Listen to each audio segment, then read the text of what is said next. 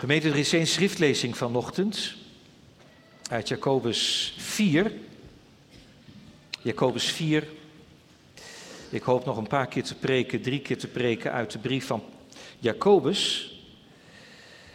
En voor vanochtend is dat het gedeelte Jacobus 4, vers 1 tot en met 12. Er staat boven in mijn Bijbel wereldsgezindheid. En dan vraagt de apostel Jacobus van waar al die strijd en al die conflicten in uw midden, vloeien ze hier niet uit voort?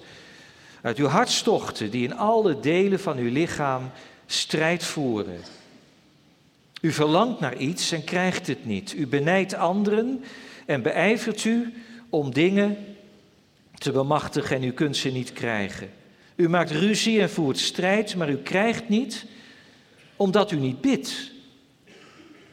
U bidt wel, maar u ontvangt niet omdat u verkeerd bidt, met het doel het in uw hartstochten door te brengen. Overspelige mannen en vrouwen, weet u dan niet dat de vriendschap met de wereld vijandschap tegen God is? Wie dan nu een vriend van de wereld wil zijn, wordt als vijand van God aangemerkt. Of denkt u dat de schrift te vergeefs zegt? De geest die in ons woont, verlangt hier vurig naar afgunst? Hij echter geeft des te meer genade. Daarom zegt de schrift, God keert zich tegen de hoogmoedigen, maar aan de nederigen geeft hij genade. Onderwerp u dan aan God, bied weerstand aan de duivel en hij zal van u wegvluchten. Nader tot God en hij zal tot u naderen. Reinig de handen, zondaars, en zuiver de harten, dubbelhartigen. Besef uw ellendige staat en treur en huil. Laat uw lachen veranderd worden in treuren en uw blijdschap in droefheid. Verneder u voor de Heere en hij zal u verhogen. Broeders, spreek geen kwaad van elkaar. Wie van zijn broeder kwaad spreekt en over zijn broeder oordeelt, spreekt kwaad over de wet en oordeelt over de wet. Als u over de wet oordeelt, bent u geen dader van de wet, maar een rechter. Er is één wetgever, namelijk Hij die kan zalig maken en te gronden richten. Maar wie bent u die over de ander oordeelt? Dit is het woord van God en zalig zijn zij die het woord van God horen en het ook bewaren. Amen.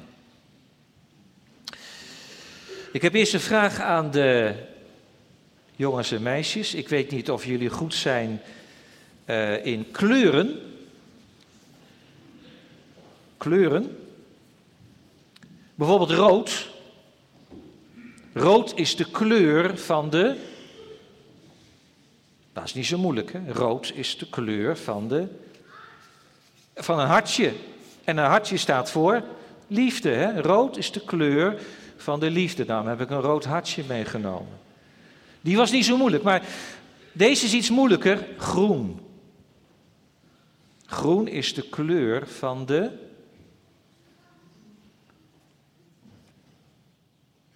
van de jaloezie, van de jaloersheid. En dat wil ik eigenlijk vanochtend aan jullie vragen. Ben je wel eens jaloers op iemand anders? Stel je nou voor, hè? jouw zusje of jouw broertje heeft je moeder geholpen met uh, de tafel afruimen. En wat doet je moeder? Die geeft aan je zusje of aan je broertje een lolly. En jij krijgt geen lolly. Nou, dan ben je misschien boos, want jij wil ook een lolly. En eigenlijk gun het je je eigen broertje niet of je zusje niet. Nou, daarom heb ik uh, groen, uh, ik heb er een hand van gemaakt. Een hand die grijpt, die iets wil hebben. Want dat is jaloers. Je wil iets heel graag wat een ander heeft, wil jij hebben. En, en, en, en ten diepste gun je het die ander niet. Nou, dat is niet zo goed, hè? dat is niet zo mooi jaloers. Dat is verkeerd jaloers. Maar er is ook op een goede manier jaloers. En goed jaloers, dat wil zeggen dat je iets wilt hebben wat van jezelf is. Dat iets wat van jou is, dat je daar heel erg op gesteld bent. En weet je wat nou de Bijbel zegt? God is jaloers, maar God is op een goede manier jaloers. Hij wil iets heel graag hebben wat al van hem is. En weet je wat het is? Weet je wat God heel graag wil hebben? Jou. God wil jou heel graag hebben. Dat heeft hij trouwens ook al laten zien. Misschien wel een keer in deze kerk. Want in deze kerk staat een doopvond hiervoor in de kerk. Misschien ben je hier wel gedoopt toen nog heel klein was. Toen heeft God al tegen jou gezegd: Jij bent van mij, ik wil jou hebben en ik wil voor jou zorgen, ik wil jou beschermen en ik wil jou alles geven wat je nodig hebt. Zo is God. Hij is op een goede manier jaloers. Nou, daar gaat het zo meteen in de preek over. En daar moet je, nou, daar moet je maar heel goed naar luisteren. Tekst voor de verkondiging is het vierde vers van Jacobus 4. Daar zet Jacobus nogal stevig in over spelige mannen en vrouwen. Weet u dan niet dat de vriendschap met de wereld vijandschap tegen God is? Wie dan nu een vriend van de wereld wil zijn, wordt als vijand van God aangemerkt. Dit betrekt ook dat vijfde vers nog wel bij. Of denkt u dat de schrift te vergeefs zegt, de geest die in ons woont verlangt die vurig naar afgunst. Ik denk dat je iets anders moet vertalen. God verlangt vurig naar de geest die in ons woont. Dan krijgt het iets meer zin, dan wordt het iets begrijpelijker wat er, wat er bedoeld wordt. thema van de preek luidt een slag om ons hart. Een slag om ons hart. Gemeente, eerst nog even een vraag aan de jongens en meisjes. Um, zijn, zijn papa en mama wel eens boos op jou? Zijn ze wel eens boos op jou? Vast wel. Hè? Je hebt iets gedaan wat niet mocht en uh, ja, toen kreeg je de wind van voren en mama die zei tegen jou, waarom luister je nou niet? Waarom heb je dat gedaan? Domoor. Deugt niet. Nou, als mama boos op je is, dan kun je twee dingen doen. Je kunt stampvoetend weglopen en op je eigen kamertje boos gaan zitten zijn. Maar je kunt ook je hoofd buigen en naar mama toe gaan en je dicht tegen haar aandrukken. En dat je met tranen in je ogen tegen haar zegt: Mama, ik heb zo'n spijt, ik zal het nooit meer doen. Nou, dat laatste is natuurlijk het beste. Dat laatste is het beste. Vanochtend in de preek gaat het niet over een boze moeder, maar het gaat over een boze apostel. Jacobus, die is, uh, ja, die is bepaald boos op zijn lezers. U hebt het wel gemerkt bij het meelezen. Het is nogal een heftig Bijbelgedeelte dat we gelezen hebben vanochtend. En, en ja, Jacobus die houdt in dat Bijbelgedeelte dat we hebben gelezen, zeg maar, een donderpreek. Een donderpreek. Hij pakt zijn lezers stevig beet en rammelt ze flink door elkaar. En wat zegt hij tegen ze? Overspeligen. Op andere plaatsen in deze brief spreekt hij zijn lezers aan met geliefde broeders en zusters. Maar hier zegt hij overspeligen, vreemdgangers. Nou ja, u zou niet blij zijn als ik u zo zou aanspreken. U zou misschien boos de kerk uitgaan. Maar Jacobus noemt zijn lezers zo. Overspeligen. En hij gebruikt, u kunt dat niet lezen in de vertaling, maar hij gebruikt in de grondtaal een vrouwelijke vorm van dat woord overspelig. En dat is echt niet omdat hij alleen de vrouwelijke leden van de gemeente op het oog heeft. Nee, dat gebruik van die vrouwelijke vorm van dat woord overspeligen, dat, dat heeft te maken met een beeld dat in het Oude Testament vaak gebruikt wordt voor de relatie tussen God en zijn volk Israël. Die relatie die wordt vaak vergeleken met een huwelijk. God is met zijn volk in een verbond getreden en dat verbond dat is als een huwelijk. God is de echtgenote en het volk Israël is zijn vrouw. God is met Israël getrouwd. Dat zegt bijvoorbeeld ook de profeet Jezaja in hoofdstuk 54. Dan zegt hij tegen het volk Israël, uw maker is uw man. En via de profeet Jeremia zegt de Heere tegen Israël, bekeer u afkerigen, want ik heb jullie getrouwd. Trouwens, je komt het beeld ook in het Nieuwe Testament tegen. Hè? Paulus die gebruikt het beeld ook voor christenen. Dan schrijft hij aan de gemeente van Korinthe: Ik heb jullie ten huwelijk gegeven aan één man om jullie als een reine maagd aan Christus voor te stellen. De gemeente is de bruid, Christus is de bruidegom. Vindt u dat niet een prachtig beeld? Christen zijn is dus niet alleen maar een paar geloofswaarheden omarmen of een bepaalde gedragscode volgen. Christen zijn, dat is vooral in een persoonlijke, intieme relatie met God leven. Je weet, Hij heeft mij lief en, en, en ik heb Hem lief.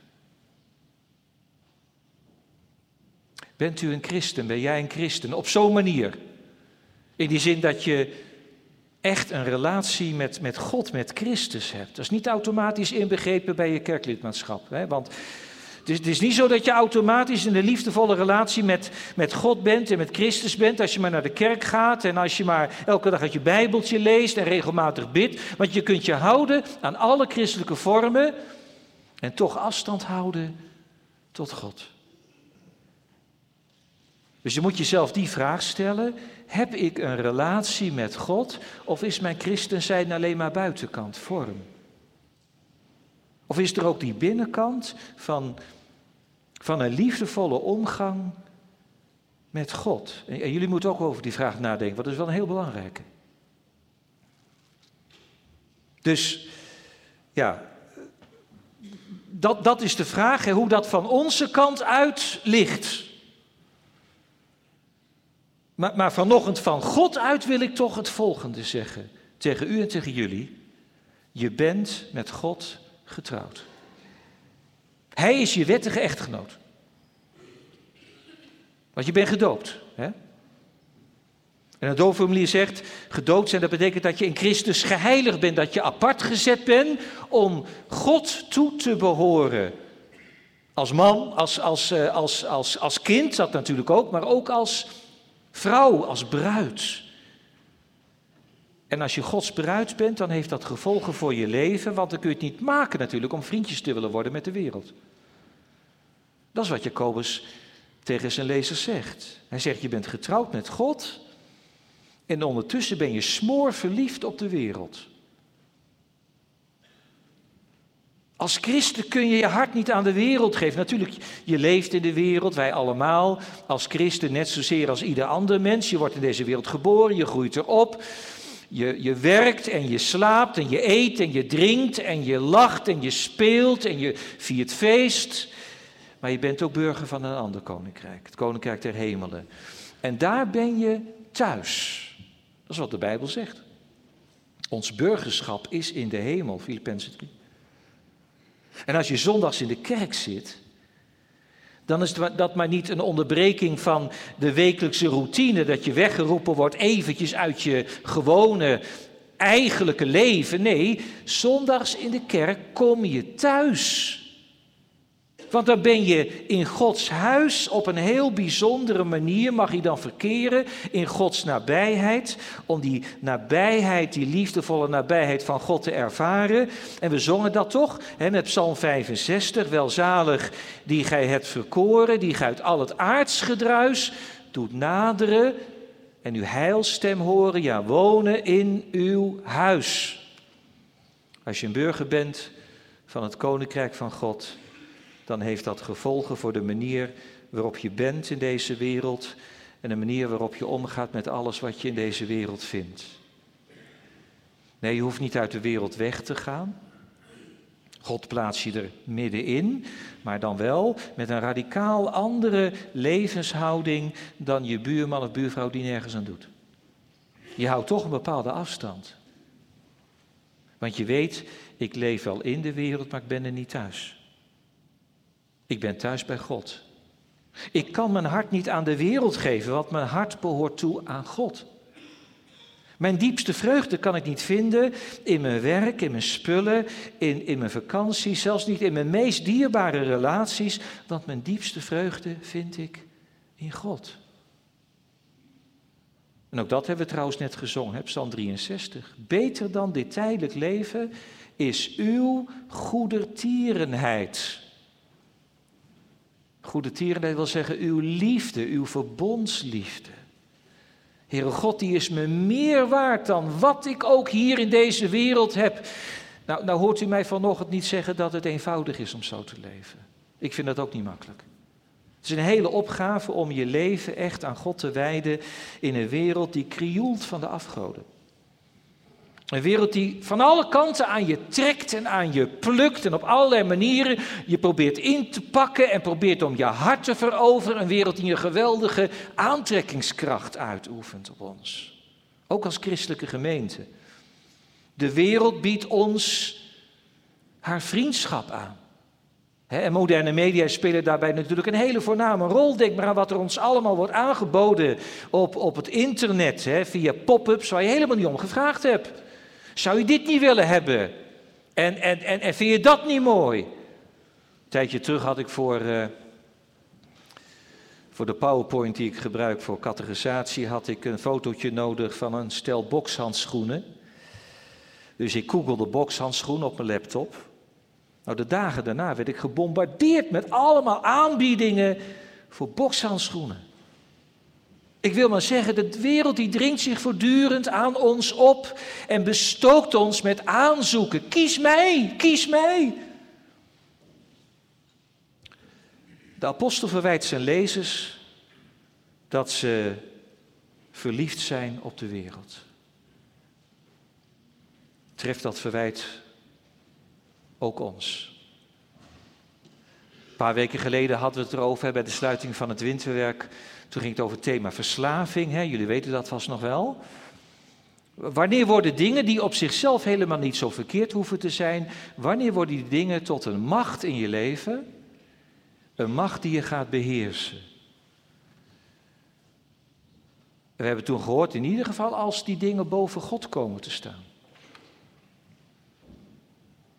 Nou ja, bekend voorbeeld was toen hè, je mobiel bijvoorbeeld, hè, je mobiel. Je kunt, je kunt dat heel eenvoudig uittesten. Hè?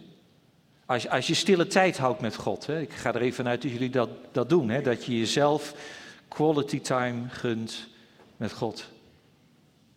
je bent aan het Bijbel lezen of je bent zelfs in gebed. En je mobiel zegt ping. Wat doe je dan? Ja, natuurlijk had dat ding beter sowieso uit kunnen zetten. Maar, maar goed, als er nou zo'n appje binnenkomt. Terwijl je aan het bidden bent of aan het bijbelezen bent, kijk je dan toch even snel even hè, wie dat appje heeft gestuurd en wat er staat. Of zeg je dan nee, nu ben ik bij God en daar laat ik niets tussen komen. Wat heeft voorrang? Het luistert nou. Flirten met de wereld heeft gevolgen voor je relatie met God. Die relatie is als een huwelijk. En daar past geen derde bij. Three is a crowd, hè, zeggen ze in het Engels. Three is a crowd. God accepteert geen rivaal. Als je banden aanknoopt met de wereld, verbreek je de band met God. Kijk, er zijn christenen die denken dat, dat de band met God als, als elastiek is. Hè? Ze doen telkens een stapje dichter naar de wereld toe en daardoor telkens een stapje verder bij God vandaan. En ze denken, nou, er zit nog wel genoeg rek in. Die band met God, er zit nog genoeg rek in. Maar weet je, in die band met God zit niet zoveel rek. Voor je het weet is het lijntje geknapt. Want, en dan kom ik op dat punt, want God is een jaloers God. Sta je misschien van te kijken als ik dat zo zeg. Maar dat is wat de Bijbel zegt. God is een jaloers God. Ik kom er straks nog op terug. Eerst nog even over die vriendschap met de wereld. Eh, Jacobus geeft in deze brief ook aan waar die vriendschap eh, zichtbaar wordt. Hè. Die vriendschap met de wereld, die wordt zichtbaar. Die wereldse leefstijl, die wereldse manier van denken, die wereldse mindset die wordt zichtbaar, die komt naar voren in de manier waarop ze als christenen met elkaar omgaan. Binnen de gemeente, en daar gebruikt Jacobus heel heftige taal, u hebt het mee kunnen lezen. Hij vraagt van waar al die strijd en al die conflicten in jullie midden. De HSV vertaalt het nog voorzichtig, want er staat eigenlijk in het Grieks gewoon oorlog. Er woedt een oorlog in de kerk. Er worden complete veldslagen uitgevochten. Nou, waarover die ruzie gaat, dat, uh, dat staat er niet bij. Maar Jacobus geeft wel aan wat ten diepste de oorzaak is van al dat geruzie. En hij zegt dat die, die, die, die conflicten die komen voort uit jullie hartstochten. Er staat in het Grieks een woord hedone, uh, waar ons woord hedonisme van afgeleid is. Genot, plezier, genotzucht. Gaan voor je eigen geluk, gaan voor je eigen plezier, je eigen verlangens, je eigen hartstochten uitleven. Dat je verlangens hebt, dat is helemaal niet verkeerd, want zo heeft God je gemaakt. Hè? God heeft je gemaakt met verlangens, met passies, met hartstochten. Dat is op zich prima. Ik vind het heel mooi als ik dat ook bij tieners tegenkom, dat ze echt ergens helemaal warm verlopen. Dat is toch prachtig? Dat je ergens helemaal voor wil gaan. Helemaal prima. Maar eh, het probleem ontstaat natuurlijk als dat verlangen verkeerd gericht is. Een paar jaar geleden schreef eh, Herman Paul een, eh, een, een, heel mooi boekje met de titel De Slag om het Hart. Ik heb het wel eens eerder genoemd. De Slag om het Hart. En in dat boekje schrijft uh, Herman Paul dat, dat secularisatie niet begint met kerkverlating. Kerkverlating is het eindpunt. Secularisatie begint van binnen, begint met je hart. Als je verlangen niet langer gericht is op God, maar op andere dingen. Je kunt elke zondag trouw in de kerk komen, je kunt gehoorzaam alle christelijke regels volgen, terwijl er diep in je hart al een wissel is omgegaan. Je verlangens zijn geseculariseerd. Je bent in de ban gekomen van status en welvaart en geluk en genot. En het verlangen naar God, dat is gezakt naar de tweede plaats. En misschien nog wel lager. Dus laten we eerlijk in de spiegel kijken en onszelf die vraag stellen: waar geniet ik nou het meest van? Waar geniet ik het meest van? Stille tijd met God of een Netflix-serie? Waar droom je s'nachts van? Want waar je naar verlangt, dat, dat blijkt vaak uit waar je, waar je over droomt. Waar droom je s'nachts van? Of, of wat is je grootste angst? Hè? Wat zou je nou het minst kunnen missen? Waar, waar heb je het met elkaar over bij, bij verjaardagsvisites? We zingen Psalm 73 in de kerk. Wie heb ik nevens u omhoog?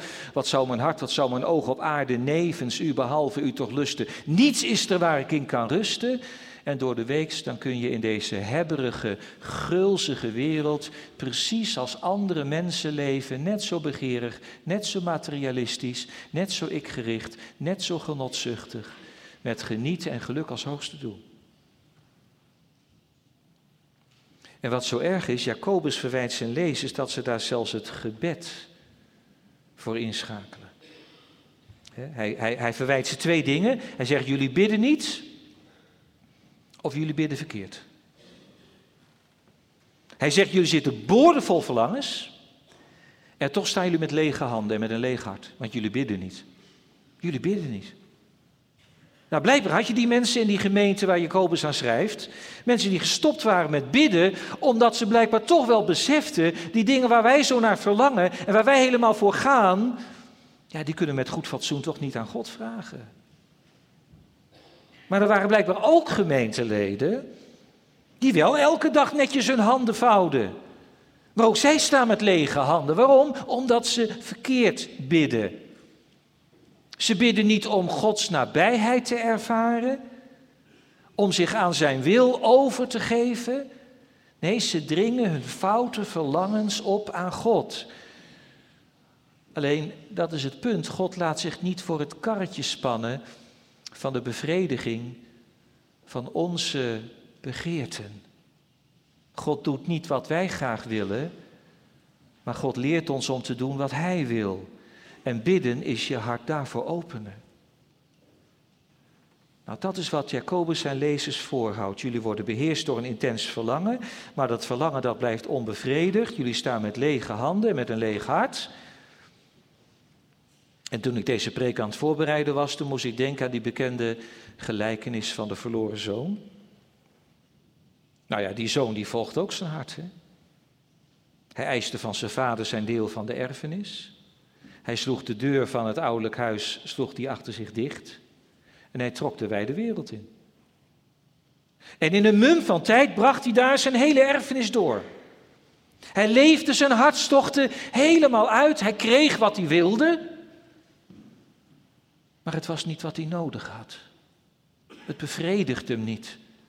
Het najagen van zijn eigen verlangens liet hem leeg en onverzadigd achter. Jacobus zegt, ja dat gebeurt als je vriendjes wil worden met de wereld. Het begint met een intens verlangen en het eindigt met een bittere teleurstelling.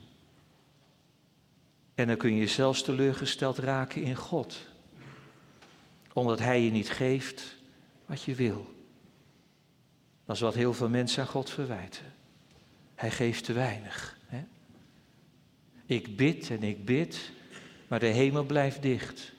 Ik krijg niks. Maar weet je wat het probleem is? Als je gaat voor de bevrediging van je eigen verlangens, dan vraag je van God niet te veel, maar dan vraag je van God te weinig. Hij geeft je zoveel meer. Hij wil, hij wil zichzelf aan je kwijt, het allerhoogste en die verloren zoon die dacht rijk en gelukkig te worden zonder zijn vader. Door afscheid te nemen van zijn vader. Maar hij werd niet teleurgesteld en zijn bekering begon met het besef. Bij mijn vader vind ik alles wat ik nodig heb. Nee, mijn vader is al wat ik nodig heb. Ik denk aan een figuur in een andere gelijkenis, hè, de tollenaar. Die tollenaar. Die bad een kort gebed, maar het was wel een echt gebed. O God, wees mij zondaar genadig. Als je letterlijk vertaalt staat er, O God, wees met mij zondaar verzoend. Dus hij bad om herstel van de relatie met God. Hij, hij, hij wou weer vrienden zijn met God. Hij bad om God zelf. Hij wilde God terug hebben. Gemeente, zoekt u uw geluk buiten God? Ben je verliefd op de wereld? Dan zal ik eerlijk met u zijn en met jullie vanochtend. Dat vindt God echt verschrikkelijk. Dat neemt u ook heel hoog op. Dat neemt hij heel hoog op. Want nogmaals, de Heer is een jaloers God. Ik zou er nog op terugkomen. Het, het klinkt vreemd, God jaloers. Nou, dat, wij zeggen dat is een negatieve eigenschap. Hè? Inderdaad, bij ons heeft het een negatief betekenis. Jaloers betekent dat je iets wil hebben wat van een ander is en dat je een ander niet gunt. Bij God gaat het om iets positiefs. Hij is jaloers, dat wil zeggen, hij brandt van verlangen naar ons. Nou, dat staat in vers 5. Een van de moeilijkste teksten uit de Bijbel. De uitleggers die breken hun hoofd erover. En de herziende statenvertaling die heeft ervoor gekozen om de statenvertaling te volgen. De geest die in ons woont verlangt die vurig naar afgunst, maar erg duidelijk wordt het daar niet mee. Maar je kunt het ook anders vertalen, ik zei het al. Namelijk dat God vurig verlangt naar de geest die in ons woont. Dan gaat het om het intense verlangen van God naar ons. Ik bedoel het met eerbied hoor, maar God is geen ijspegel. God is geen ijspegel. God brandt van heilige jaloezie. En die jaloersheid is positief. Het is een liefdesverlangen. En dat komt inderdaad, want Jacobus verwijst naar de schrift. Hè, de schrift zegt, en dat komt inderdaad in het Oude Testament op heel veel plaatsen tegen. Daar, daar, wordt gesproken over die heilige jaloersheid van God. Het woord praktisch elke zondag in de lezing van de wet van God. Hè, in Exodus 20 of Deuteronomium 5. De Heer uw God is een naijverig God. Dat wil zeggen, hij wil ons niet afstaan. Hij wil ons ook niet delen. Hij wil ons voor zichzelf. Hij gunt ons aan geen ander. Hij wil een exclusieve relatie met de mensen naar wie zijn hart uitgaat. En dat is niet negatief, daaruit blijkt nou juist zijn liefde. Want ja, voorbeeld, hè, kun je je voorstellen dat een man ontdekt dat zijn vrouw hem ontrouw is. Ze heeft een relatie met een ander. En dat die man vervolgens zegt, ach, echt leuk vind ik het niet, maar ik moet mijn vrouw toch ook een pleziertje gunnen. Dat zegt die man toch niet? Als die echt van zijn vrouw zou houden, dan zou die uit zijn vel springen.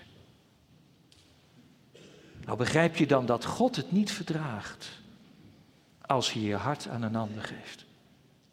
Juist omdat hij zoveel van je houdt. Juist omdat hij zo sterk naar je verlangt.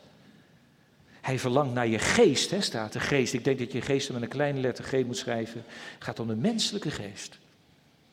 De geest die hij in je doet wonen, hè, vanaf de schepping al. Dat is de kern van je bestaan. En je geest, dat is wie je ten diepste bent. Hè. Zoals God je heeft gemaakt, zoals God je heeft geschapen. Dan vind je dat niet geweldig wat er staat in vers 5. Je bent begeerd. Er is iemand die naar je verlangt met een heilige passie, met een intens verlangen. Misschien zit er hier vanochtend iemand in de kerk die denkt: niemand moet mij.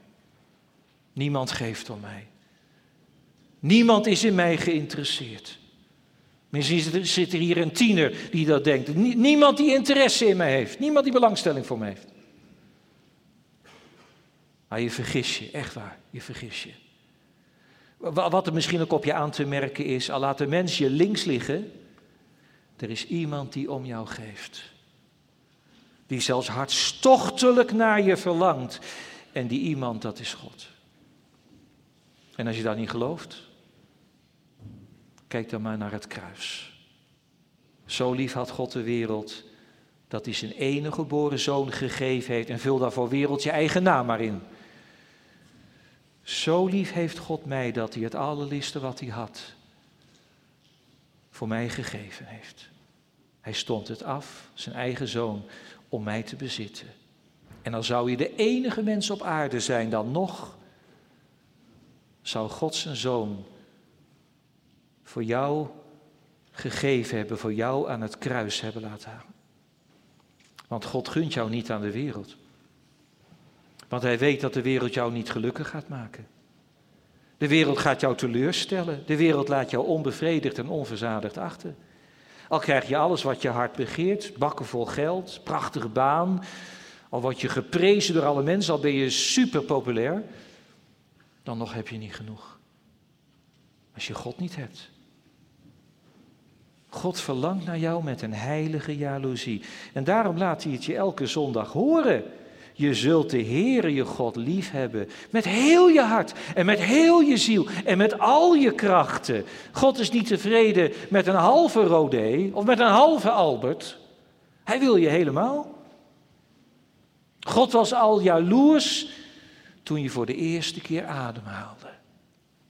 En toen je door je ouders naar het doopvond werd gedragen, had hij een intens, heftig verlangen naar jou. Ik ben jouw God, zei hij. Toen je voor het eerst in je leven heel bewust een zondige stap zette, sneed het hem door het hart. Toen tiener God tussen haakjes ging zetten. omdat je andere dingen in je leven belangrijker vond dan hij. Toen, toen, toen je tegen je ouders zei, ik wil niet meer mee naar de kerk en ik wil ook niet meer naar catechisatie. Toen deed dat de Heer geweldig veel verdriet. Maar weet je, hij laat het er echt niet bij zitten. Als je andere keuzes in je leven maakt dan de keuze voor hem, dan laat hij er niet bij zitten. Hij laat het evangelie naar je toe komen. Door allerlei mensen en op allerlei manieren vanuit het verlangen om jouw hart te veroveren. En wat is die blij als, als die eindelijk bij je doorbreekt en, en met de kracht van de Heilige Geest en, en als je je aan Hem gaat overgeven. Dat was die blij met die veertien nieuwe lidmaten van een paar weken terug. Wie een vriend van de wereld wil zijn, is een vijand van God. Gemeente, als je nou vanochtend in de spiegel hebt gekeken en je bent geschrokken omdat je weet dat je ontrouw bent geweest. Dat weer zoveel dingen in je leven de voorrang kregen en nog krijgen boven God. Dan klinkt tot u, tot jou vanochtend die dringende oproep, die er ook staat in dat Bijbelgedeelte. Deze oproep, nader tot God, nader tot God. Dat, dat is wat de Heer van, van, vanochtend tegen u, tegen jullie zegt. Kom dichterbij, kom naar mij toe. Met tranen in je ogen, omdat je het zo hebt laten afweten. Treur en huil staat er in vers 9. Dus terugkeren tot God. Nee, dat gaat niet zonder berouw. Dat gaat niet zonder hartzeer. Het verdriet dat je God tekort hebt gedaan. Denk nog even wat ik aan het begin van de preek tegen de kinderen zei. Als je moeder boos is, dan kun je zelf boos worden. En boos weglopen bij je moeder vandaan. Maar je kunt veel beter naar haar toe gaan. Al is het huilend van spijt en verdriet. Nou, zo moet je ook naar God gaan. Naderen tot God. Dat, dat zegt God en hij meent het. Hij is erop gebrand dat je hem zoekt. Je bent zo waardevol voor hem. Hij wil je als, als, als vriend in de armen sluiten. Hij wil je niet als vijand buitensluiten. Je moet naderen, dichterbij komen. Ja, dat betekent ook breken met je zonde. want dat staat er ook. He. Reinig de handen en zuiver de harten. Jacobus verwijst daarmee naar de, de priesterdienst. Hè. Dat was te doen gebruikelijk als de priesters de tempel binnengingen om daar eh, een priesterdienst te verrichten. Dan uh, ondergingen ze eerst een uitgebreide, uitgebreid ritueel hè, van handen wassen. Hè, ten, ten, uh, aanschouwen van heel het volk moesten dan hun handen gaan reinigen, handen wassen. Als een teken van de reiniging die noodzakelijk is om te kunnen naderen tot God. Dus naderen tot God, dat betekent ook dat je gaat breken, ook heel concreet, met zonden in je leven.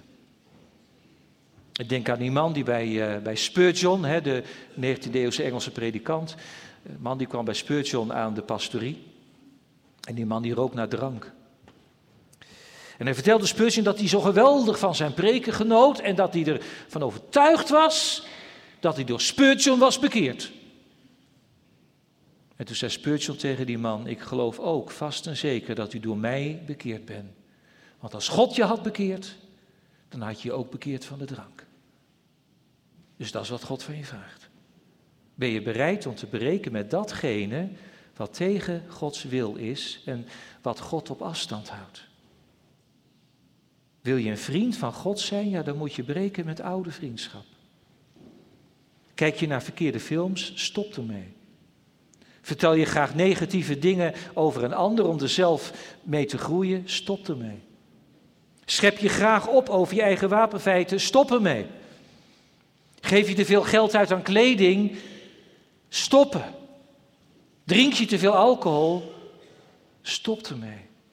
Wees in ieder geval bereid om de strijd daarmee aan te gaan. Als je zo nadert tot God, dan krijg je deze belofte. Dan nadert God tot u. Nee, niet als beloning voor onze terugkeer. Het is pure genade. En dan denk ik weer aan die gelijkenis van de verloren zoon. Hè? Toen die zoon het vaderhuis naderde, stond zijn vader op de uitkijk en hij snelde, hij rende naar die zoon toe. Nou, ik denk dat die vader al stond te wachten toen die, uh, toen die zoon nog volop genoot van zijn wereldse leven. Ik denk dat die zoon alleen maar naar huis terugkeerde omdat de liefde van zijn vader hem trok. Het is waar. God had ons lief. Toen wij, ja wat staat er, toen wij tot inkeer kwamen, toen wij al bezig waren om naar God terug te keren? Nee. Toen wij nog vijanden waren. En wat zou, die die vader gezegd hebben tegen zijn zoon? Hè? Toen hij zijn zoon in zijn armen sloot, dat staat er niet bij in die gelijkenis, maar ik kan me goed voorstellen dat die vader iets heeft gezegd in de trant van: Mijn jongen, ben je daar eindelijk? Ik heb zo lang op je gewacht. Als je terugkeert tot God, word je met open armen ontvangen. Als je het gevecht met je zonde aangaat. Als je vecht voor regelmaat in, in Bijbelstudie. Als je je iedere dag probeert te wijden aan, aan, aan het gebed. Als je, als je trouw bent in de kerkgang, als je met een gelovig hart aangaat aan het avondmaal, dan zul je ervaren dat God staat te wachten. En dat God dichterbij komt. En je zult ook nog iets anders ervaren. De duivel die vlucht weg. De duivel raakt verder weg. Dat is de vrucht van bekering. Hè? Je gaat het gezicht van God zien, maar je gaat ook de rug van de duivel zien. Hoe dicht je bij God mag leven, des te minder vat krijgt de duivel op je. Hij zal van je vluchten, zegt Jacobus. Gemeente, er vindt een slag plaats om je hart. De wereld dingt naar je hart. Maar God verlangt ook naar u, naar jou, met een heilige jaloezie. En vraag is, wie geeft je nou je liefde? God gaat vandaag voor jou en voor u op de knieën. Hij zegt, geef mij je hart. Vind je het niet bijzonder dat je zo naar je verlangt? Weet je, de hel ja, ik praat er niet makkelijk over, maar de Bijbel heeft het wel over de hel. Weet je wat de hel is? De hel, dat is dat God niet meer naar je verlangt. De hel, dat is dat God je heeft afgeschreven. En zover moet je het niet laten komen. De Heere dingt naar je hart. Hij zegt vanochtend, kom dichterbij. Heb mij lief als enige. Waarom zou je dat niet doen? Hij alleen kan je gelukkig maken. Hij alleen kan je vervulling geven. De Fransman Pascal schreef: We hebben een gat in ons hart en dat gat heeft de vorm van God. Nou zeg het dan. U alleen kunt mijn hart vervullen. Mijn aanbidding is voor u. Kom dichterbij. Dichterbij die God die jouw hart zo kostbaar vindt dat hij er hevig naar verlangt en zegt: Heere, ik geef me helemaal aan u. Leg samen met Jezus je hart, je geest op Gods altaar. En zeg het maar met Jezus mee. Vader, in uw handen beveel ik mijn geest. Amen.